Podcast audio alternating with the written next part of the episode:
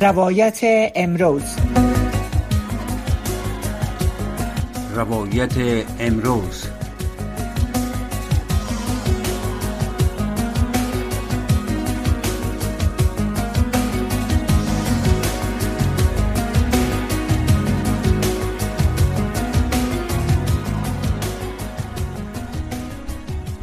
شنونده های گرامی سلام به برنامه روایت امروز از رادیو آشنا صدای امریکا خوش آمدین. آرزو دارم هر جای هستین ساعت و سلامت باشین برنامه ها را ببینین و همچنان از طریق رادیو بشنوین. در برنامه امروز در رابطه به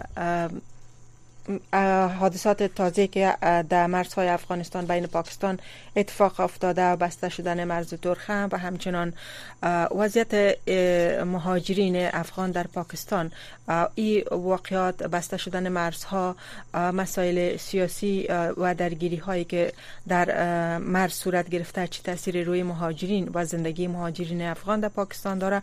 و همچنان خبر دیگه که روی زو بحث می‌کنیم یا یادآوری می‌کنیم در برنامه امرای میمانای برنامه است که ارزش یا قیمت ویزا بر افغان ها ویزه پاکستان البته بسیار زیاد افزایش یافته تا حدود یک و نیم هزار الی دو هزار دلار هر ویزا به افغان ها یعنی صادر میشه یا اینا اگر بخواین ویزا بگیرن به می قیمت باید ویزا بگیرن. ویزه پاکستان دو مهمان گرامی داریم فریبا فیزی ژورنالیست و عضو فدراسیون جهانی خبرنگاران. همچنان حشمت الله وجدانی فعال حقوق بشر و خبرنگاره که وضعیت مهاجرین در پاکستان تحقیقات می‌کنن و معلومات دارن. با خود داریم می‌پرسیم که وضعیت از چی قرار است تازه ترین خبرها و زندگی مهاجرین در چه حال است؟ آقای وجدانی صدای مرا دارین؟ سلام بر شما. بله من صدای شما را دارم. بانو فریبا امرای ما هستین؟ فکر می‌کنم بانو فریبا تا هنوز امرای ما وصل نشدن. مگم تا وقتی که بانو فریبا را داشته باشیم از آقای وجدانی سوالات می‌پرسیم. آقای وجدانی درگیری ها در مرز و بسته شدن مرز چه تاثیراتی در داخل پاکستان برای مهاجرین داشته؟ وضعیت از چی قرار است؟ آیا شما چیز تازه احساس می‌کنین بعد از درگیری ها و بسته شدن مرز؟ سلام بر شما و سلام بر شنونده های گرامی شما. بدون شک که افغانستان کشوری است که بیشتر وابسته به کشورهای همسایه است. چون افغانستان کشوری نیست که تولیدات داشته باشد. بناهن تمامی مورد از جمله مواد اولیه و سایر موارد دیگه که بین افغانستان و پاکستان به عنوان نزدیکترین همسایه است همیشه زمانی که این مرد مسدود میشه و یا این مرد بنا به مشکلاتی که ایجاد میشه بدون شک هم تاثیر اونا بالای افغان هایی که در پاکستان حضور دارند و همچنان در افغانستان اینا تاثیرات خود می‌تونه داشته باشن ما امروز با یک تعداد از دوستایی که از چند روز بدین سو از زمانی که مرد مسدود هستند در جریان هستم که متاسفانه اینا در وضعیت بسیار بدی به سر می‌برند و در نزدیکی مرز هستند. اینا منتظری هستند که چه زمان مرد باز میشه که اینا دوباره به افغانستان بازگشت بکنن. طوری که شما در جریان هستند که هزارها افغان از راه های مختلف وارد پاکستان میشن. اینا به خاطر تداوی و سایر مشکلاتی را که در اینجا دارن میان و در صورتی که بازگشت می‌کنن. اما متاسفانه اگر با همچون موارد اونا روبرو میشن بنان این طبعا مشکلات خود را داره. ما با یکی از کسایی صحبت کردم اونا گفتن در جایی که در نزدیک مرد ما هستیم از چند روز بدین سو حتی یک نان قیمتش به پینجا کلدار رسیده در اینجا. به همین ترتیب موارد دیگه. خب این خود نشان دهنده ای است که یک چالش و یک مشکل بسیار بزرگی است. شما گفتین که مرز هنوز هم بسته است تا هنوز باز نشده؟ بیشتر سفارت افغانستان در اسلام آباد در تویتر خود نوشته کردن که مرد فردا باز میشن اگر ببینیم که آیا فردای مرد باز میشه یعنی خبر جدید همی است که قراره که اونا در تویتر نوشته کرده بودن گفتن که فردا مرد باز خواهد شد. در داخل پاکستان مهاجرین چه وضعیت دارند ای بسته شدن مرز یعنی فشارها را داخل خود پاکستان بر مهاجرین افزایش داده؟ بدون شک ما قسمی که پیشتر یادآور شدم زمانی که مرز بسته میشه خب اینا طبعا تاثیرات خود را داره. اکثریت افغانایی که به پاکستان آمدن در اینجا اگر برای تداوی آمده باشن او مقدار پولی را که با خود دارند اونا مصرف میشه در چند روز در تداوی. دیگه بناهن اینا پول دیگه نداره که اینا در هتل ها باشن در اینجا زندگی بکنن یا در سایر جاهای دیگه. اینا به یک نوع تاثیر خود را دارن. و مشکل دیگه که در پاکستان وجود داره از بحران اقتصادی باعث شده که در اینجا قیمت ها به حد بالا بره که زندگی کردن در هتل و در بعض اماکن دیگر بسیار مشکل شده نسبت به سابق. مهاجرین که این روزا چون در اواخر قیودات بر سر مهاجرین زیاد شد و داخل پاکستان هم قیمتی ها قیمت ها بلند رفت و قیمت بلند رفتن قیمت ها باعث ازی شد که امروند آمدن مهاجرین افغان به پاکستان کاهش پیدا کنه. مهاجرینی که فعلا تلاش می‌کنن وارد پاکستان شوند کیا هستن؟ زیادتر کیها متاثر شدن از امی بسته شدن مرز و امی درگیری ها این مهاجرین شامل چند کتگوری میشه. کتگوری اولی که یک تعداد زیادی از افغانای هستند که اینا در پاکستان مهاجر شدن به خاطر که امنیت جانی نداشتن در اوجا و تحولات اخیر در افغانستان اینا را مجبور ساختن که مهاجر شوند و بیان در پاکستان به یک شکل زندگی بکنن. کتگوری دوم یک تعداد از افغانایی هستند که اینا پرونده های مهاجرت به کشورهای مختلف دارند و این موضوع باعث شده اونا در پاکستان و از یک سال بیشتر از یک سال بین طرف اینا منتظر پرونده های مهاجرتی خود باشند. کتگوری دیگه از افغانایی هستند که اینا مریض هستند یا مشکلات صحی دارند یا تداوی در افغانستان نمیشن. اینا مجبور هستند که به یک شکل به پاکستان بیان به خاطر تداوی خوبتر و بهتر. اینا هم در اینجا مدتی هستند که زندگی می‌کنن. و بعد از تداوی مثل که تحولاتی که در مرز ترخم آمد اینا منتظر هستند که چه زمانی مرز باز خواهد شد تا دوباره اینا وارد افغانستان شوند. کسایی که گفتین مریضدار هستند بیشتر به پاکستان میاین فعلا چون تداوی خوب در افغانستان فعلا امکاناتش بسیار کم است. قیمت ها چطور است؟ مریضا در داخل پاکستان که میان وضعیت اینا چه قسم است؟ آیا اینا دسترسی دارن؟ با افزایش قیمت ها اینا می‌تونن مراجعه کنن به دکترها چقدر سهولت ها برشان است من بیشتر که گفتم بحران اقتصادی در پاکستان باعث شده و قرار تفاهمی که پاکستان با IMF بکنن این موضوع باعث شده که بالای هر چیز در پاکستان tax وضع شود. طبعا این روی ادویه هم تاثیر خود را گذاشته که tax باعث شده قیمت ها بسیار بره بالا و همچنان fees دکترها من می‌تونم براتان بگم اگر یک زمان fees دکتر 500 کلدار بود فعلا به یک و نیم دو هزار تا دو نیم هزار و سی هزار رسیده. بناءً اینا مواردی هستند که افغانان را متاسفانه نگران ساخته و از طرف دیگه زمانی که یک شخص مریض باشه ولو هر کاری بکنن کوشش می‌کنن پول به دست بیارن و به خاطر تداوی خود به هر کشوری که زمینه سازی شود او شخص میره و کوشش می‌کنه تا که هرچی زودتر و بهتر اینا مداوا شوند. بنابراین تمام اینا روی مواردی که من ذکر کردم تاثیر گذاشتم و متاسفانه این تاثیرات اینا روی اقتصاد مردم افغانستان به خصوص کسایی که مریض هستند تاثیرش بیشتر است. اصلا نمی آمدن افغان ها به پاکستان خصوصا برای تداوی خودش یک درآمد است برای دولت پاکستان. مثلا اینا اگر دوستایی داشته باشن یا اقوامی داشته باشن در خانه های از اینا میرن زندگی می‌کنن بخاطر تا وقتی که درمان شون. و یا که که ندارن میرن به هتل زندگی می‌کنن اینا ویزا می‌گیرن اینا مصرف می‌کنن. چرا پاکستانی سختگیری ها را روا میداره در حق مردم افغانستان؟ در حالی که درآمدی هم از این ناحیه بسیار درآمد بزرگ دارن.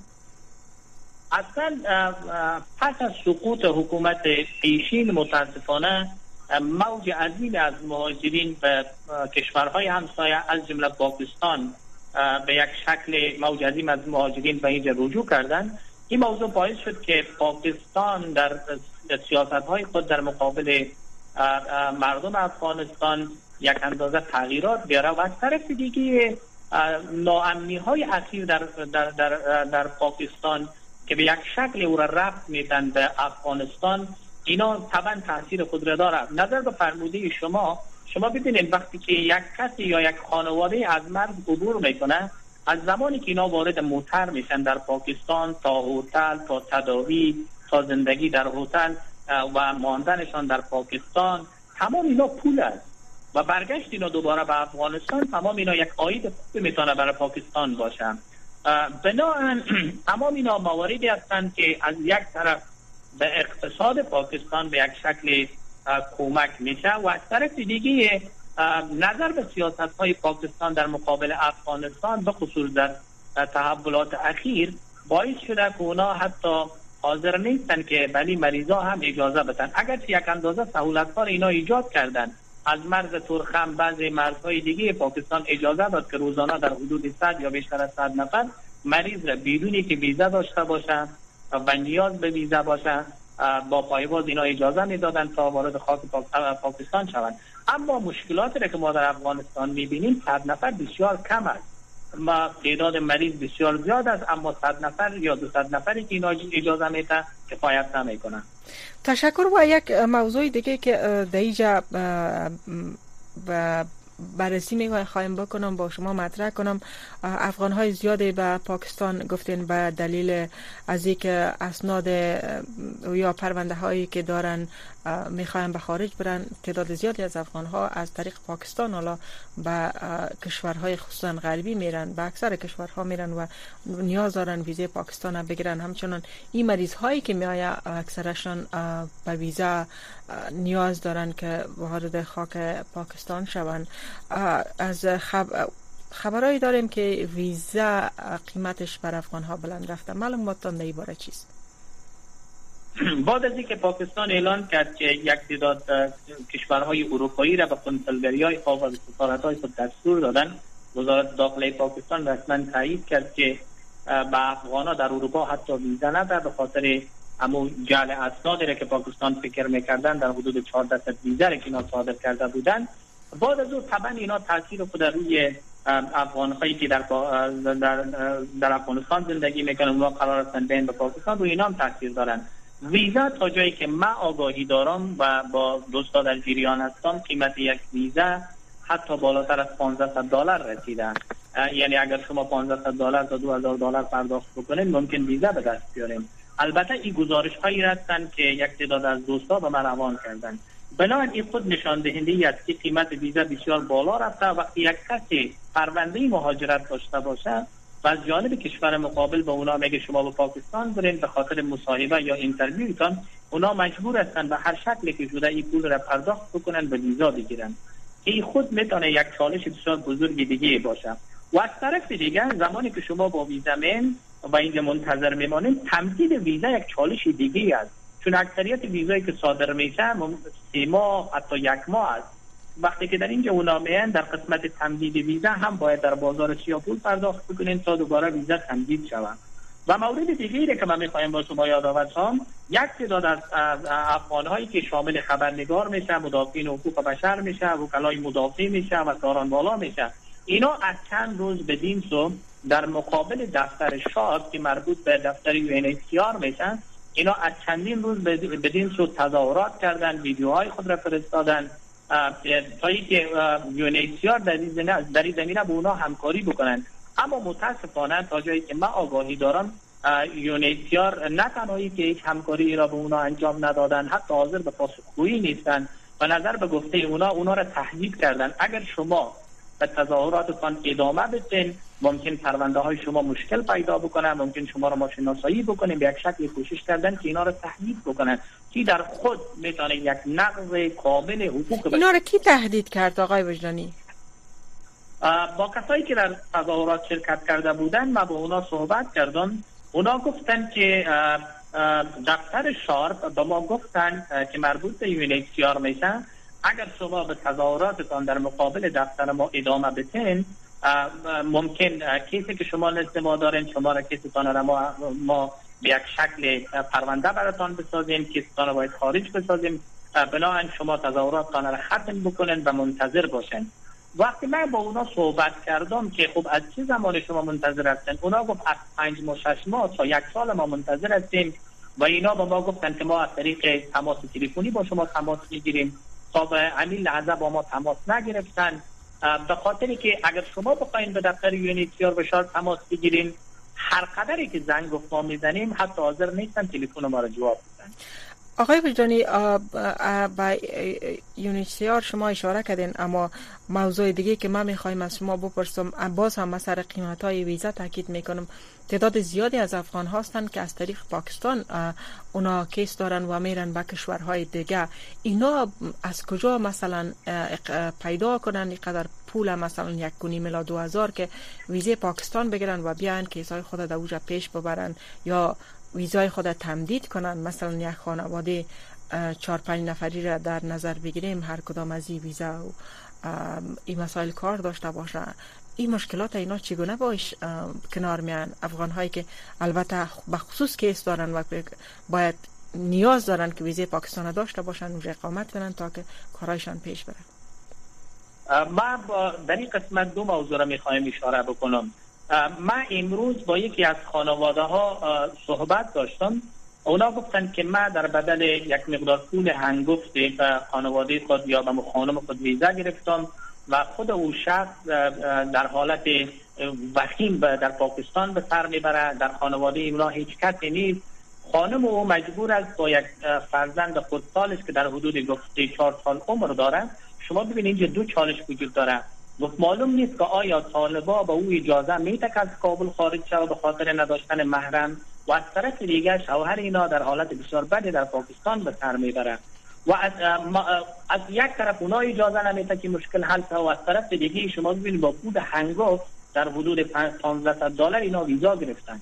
و از طرف دیگه با خانواده دیگه که من صحبت داشتم اونا گفتن که ما پنج نفر در خانواده هستیم و کیس اتایوی داریم. ما به ما گفته شده که باید به پاکستان بریم تا بتونیم مصاحبه خود در سفارت انجام بدیم. من برای او گفتم که 1500 دلار یا بالاتری که پول بسیار هنگفتی است. چگونه شما را پرداخت می‌کنین؟ و من مجبور هستم خانه خود بفروشم موتر خود بفروشم پول به دست بیارم تا در مقابل پرداخت این پول ویزا به دست بیارم. اینا مواردی هستند که ما به عنوان شخصی که در عرصه حقوق بشری تحقیق می‌کنم مواردی هستند که نزد وجود دارن. متاسفانه این چالش ها روز به روز بیشتر میشه.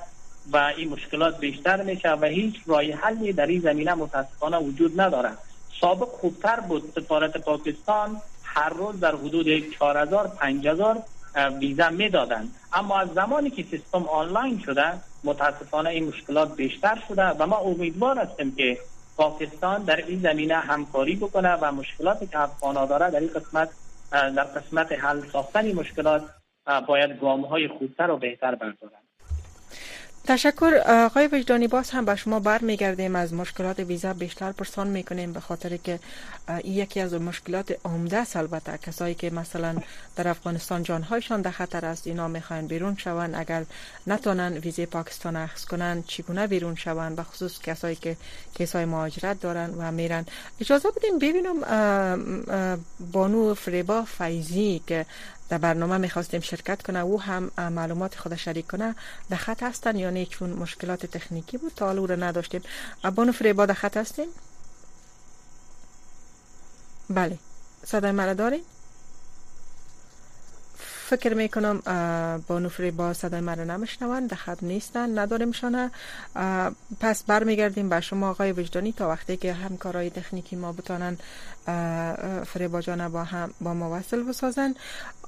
سوال من است که گفتین خب یک تعداد مثلا خانه دارن موتر دارن و یک ملکیتی دارن که مفروشن و ویزه پاکستان می‌گیرن به قیمت بسیار گذاف کسایی که ندارن چی می‌کنن؟ اما چرا ویزا دلیل شما می‌فهمین؟ چون شما در این راستا اوجا تحقیق می‌کنین در این مسائل در تماس هستین. چرا؟ دلیل چیست که ویزا قیمت شده؟ و خصوص بر افغان ها آیا بر افغان ها تنها قیمت شده ویزا یا که اصلا ویزه پاکستان همه قسم قیمتش برای همه مردم کشورهای دیگه مردم های کشورهای دیگه هم بلند رفتن اصلا من فکر می‌کنم که یکی خوب تحولات اخیر باعث شد که مردم کوشش بکنن به یک شکل به خاطر مشکلات امنیتی و یا تهدیدات امنیتی که دارن نزدیکترین همسایه به افغانستان پاکستان هستن. اینا کوشش می‌کنن ویزا بگیرن بین به پاکستان.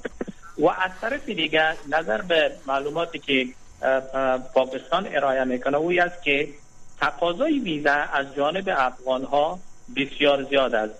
موج عظیمی از افغان هایی که به عنوان مهاجر به پاکستان ترازیر شدن یک تعداد زیاد خانواده ها اینا هستند که در کشورهای مختلف از جمله اروپا، آمریکا و سایر کشورها اونا هم به یک شکل کوشش می‌کنن که اونا بین به دیدن اقارب خود در پاکستان یک مورد مورد دیگه که یک تعداد زیادی از افغانایی هستند که از سالهای متمادی اونا در پاکستان زندگی می‌کنن و یک تعداد خانواده های اینا در خارج از پاکستان هستند. اونا هم تقاضایی را دارن که ویزا بگیرن و بین به پاکستان. خب اینا چندین موردی هستند که باعث شده در قسمت ویزا مشکلات به وجود بیاید و از جانب دیگه خود حکومت پاکستان هم یکی از چالش ها را مشکلات امنیتی میدانه به خصوص در امی اواخر اکثریت مورد ناامنی هایی که در پاکستان اتفاق میفته این مسئولیت تمامی حملات را تحریک طالبای پاکستانی به عهده می‌گیره و از جانب دیگه حکومت پاکستان ادعا می‌کنه که تحریک طالبای پاکستانی اما مکان امن اینا یا پناهگاه امن اینا افغانستان است. از اون جمعه در این عملات انجام میدن و دوباره میرن در اونجا خب اینا چالش ها باعث شده که در قسمت صادر کردن ویزا به افغانستان پاکستان بیشتر محتاط شود و کوشش بکنن کمتر ویزا صادر بکنن. و مورد دیگه که ما بیشتر در صحبت های خود یادآور شدم این بود که وزارت خارجه پاکستان تایید کردن که یک تعداد از افغانا که تعداد بیزر اونا در حدود 1600 میگن تاش آقای وجدانی یک یک لحظه برای ما وقت بتین کمی بانو فریبا هم فکر می‌کنم در خط وصل شدن ببینم هستن یا نه چون که همکارای تکنیکی برم گفتن که حضور دارن. بانو فریبا صدای مرا دارین؟ بله صدای مرا مشنوین فکر می‌کنم وصل نشدن در خط نیستن. خب به هر حال چون وقت برنامه بسیار زیاد کم مونده فکر نمی‌کنم که بتانیم بانو فریبار هم داشته باشیم. اما تشکر از اینکه منتظر برنامه بودن. متاسفانه نتونستیم نظریات از اونا را هم داشته باشیم.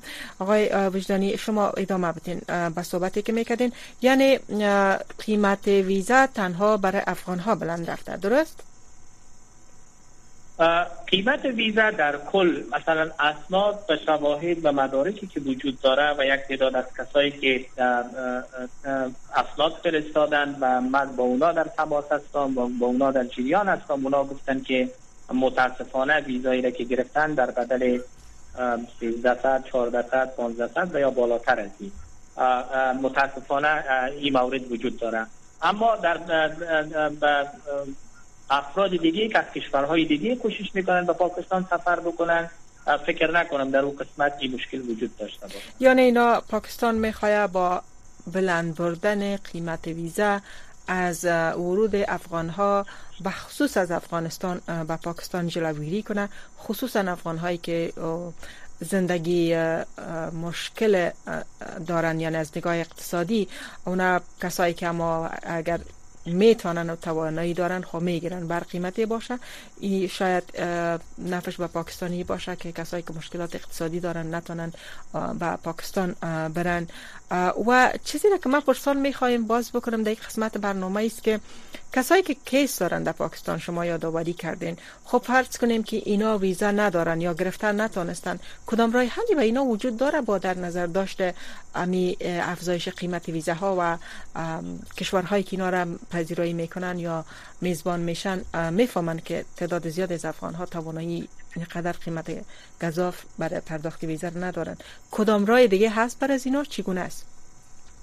ما در این قسمت می‌خوایم یک موضوع یادآور شون این پولی را که در قسمت ویزا وجود داره این را حکومت پاکستان نمی‌گیره و نمی‌خواه این پولی را بگیره. این موردی را که من بر شما تذکر دادم و دوستان رو ما فرستادن اینا بازار سیاه هستند یک تعداد از افغانا با اینا همکاری می‌کنن روابط دارن. به یک شکل یعنی پول باید پرداخت شود تا بتونی ویزا بگیری. منظور با این نیست که حکومت پاکستان یا یا وزارت خارجه پاکستان یا وزارت داخله در این قضیه دخیلی باشه. خب امی چی رفع شود؟ درست گفتین.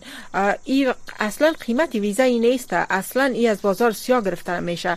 یعنی امکان داره که مستقیم از خود از طریق حکومت ویزا گرفته شود به های کمتر. همچنان؟ دو موضوع از ایجاد درست؟ اگر کمی توضیح این باره بیشتر بتین. وقت هم کم است اگر زودتر توضیح بتین که بفهمیم. قضیه کمی بازتر شود.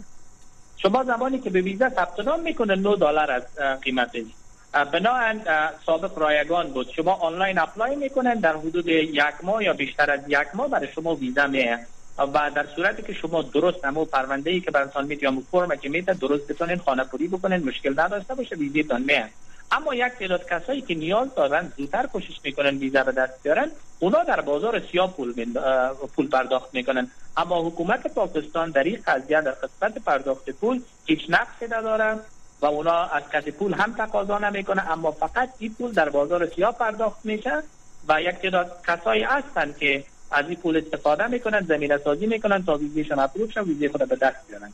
خواه خواه ایره مردم خودشان تلاش می‌کنن ویزه پاکستان از طریق آنلاین چقدر سهولت است؟ چقدر افغان ها می‌تونن از این طریق ویزه را به دست بیارن؟ چون یک گزینه بسیار خوبه آسان است.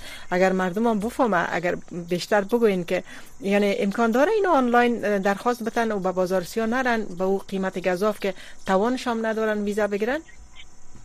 یک تعداد زیاد دوستایی که من با اونا در تماس هستم اونا میگن وقتی که ما آنلاین درخواست دادیم برای ویزا چندین بار رد شدیم و چندین بار رد باعث شد که ما پول پرداخت بکنیم. خب این باز از جانب دیگه حکومت پاکستان اونا قسم دلیل میگن که اینا درست فرم رخانه پوری نکردن درست نتانستن اینا به ویزا اپلای بکنن و این موضوع باعث شده که ویزه اینا رد شدن. خب مشکلات در گرفتن اخذ ویزا از طریق او که از طریق آنلاین شده و رد شدنش باعث شده که بازار سیاه گرم شوه و خود امی پروسه زمینه را برای بازار سیاه باز کرده و پروسه گرفتن ویزا از طریق آنلاین خیلی مشکل است. درست؟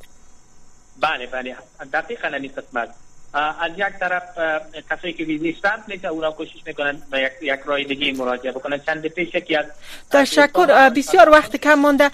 فقط یک کوتاه بگوین مریضایی که می‌خواین بیان به خصوص که مرزم مسدود است ویزا می‌گیرن یا کسایی که مریض هستن بدون ویزا هم می‌تونن وارد پاکستان شون با امو وضعیت مریضیشان؟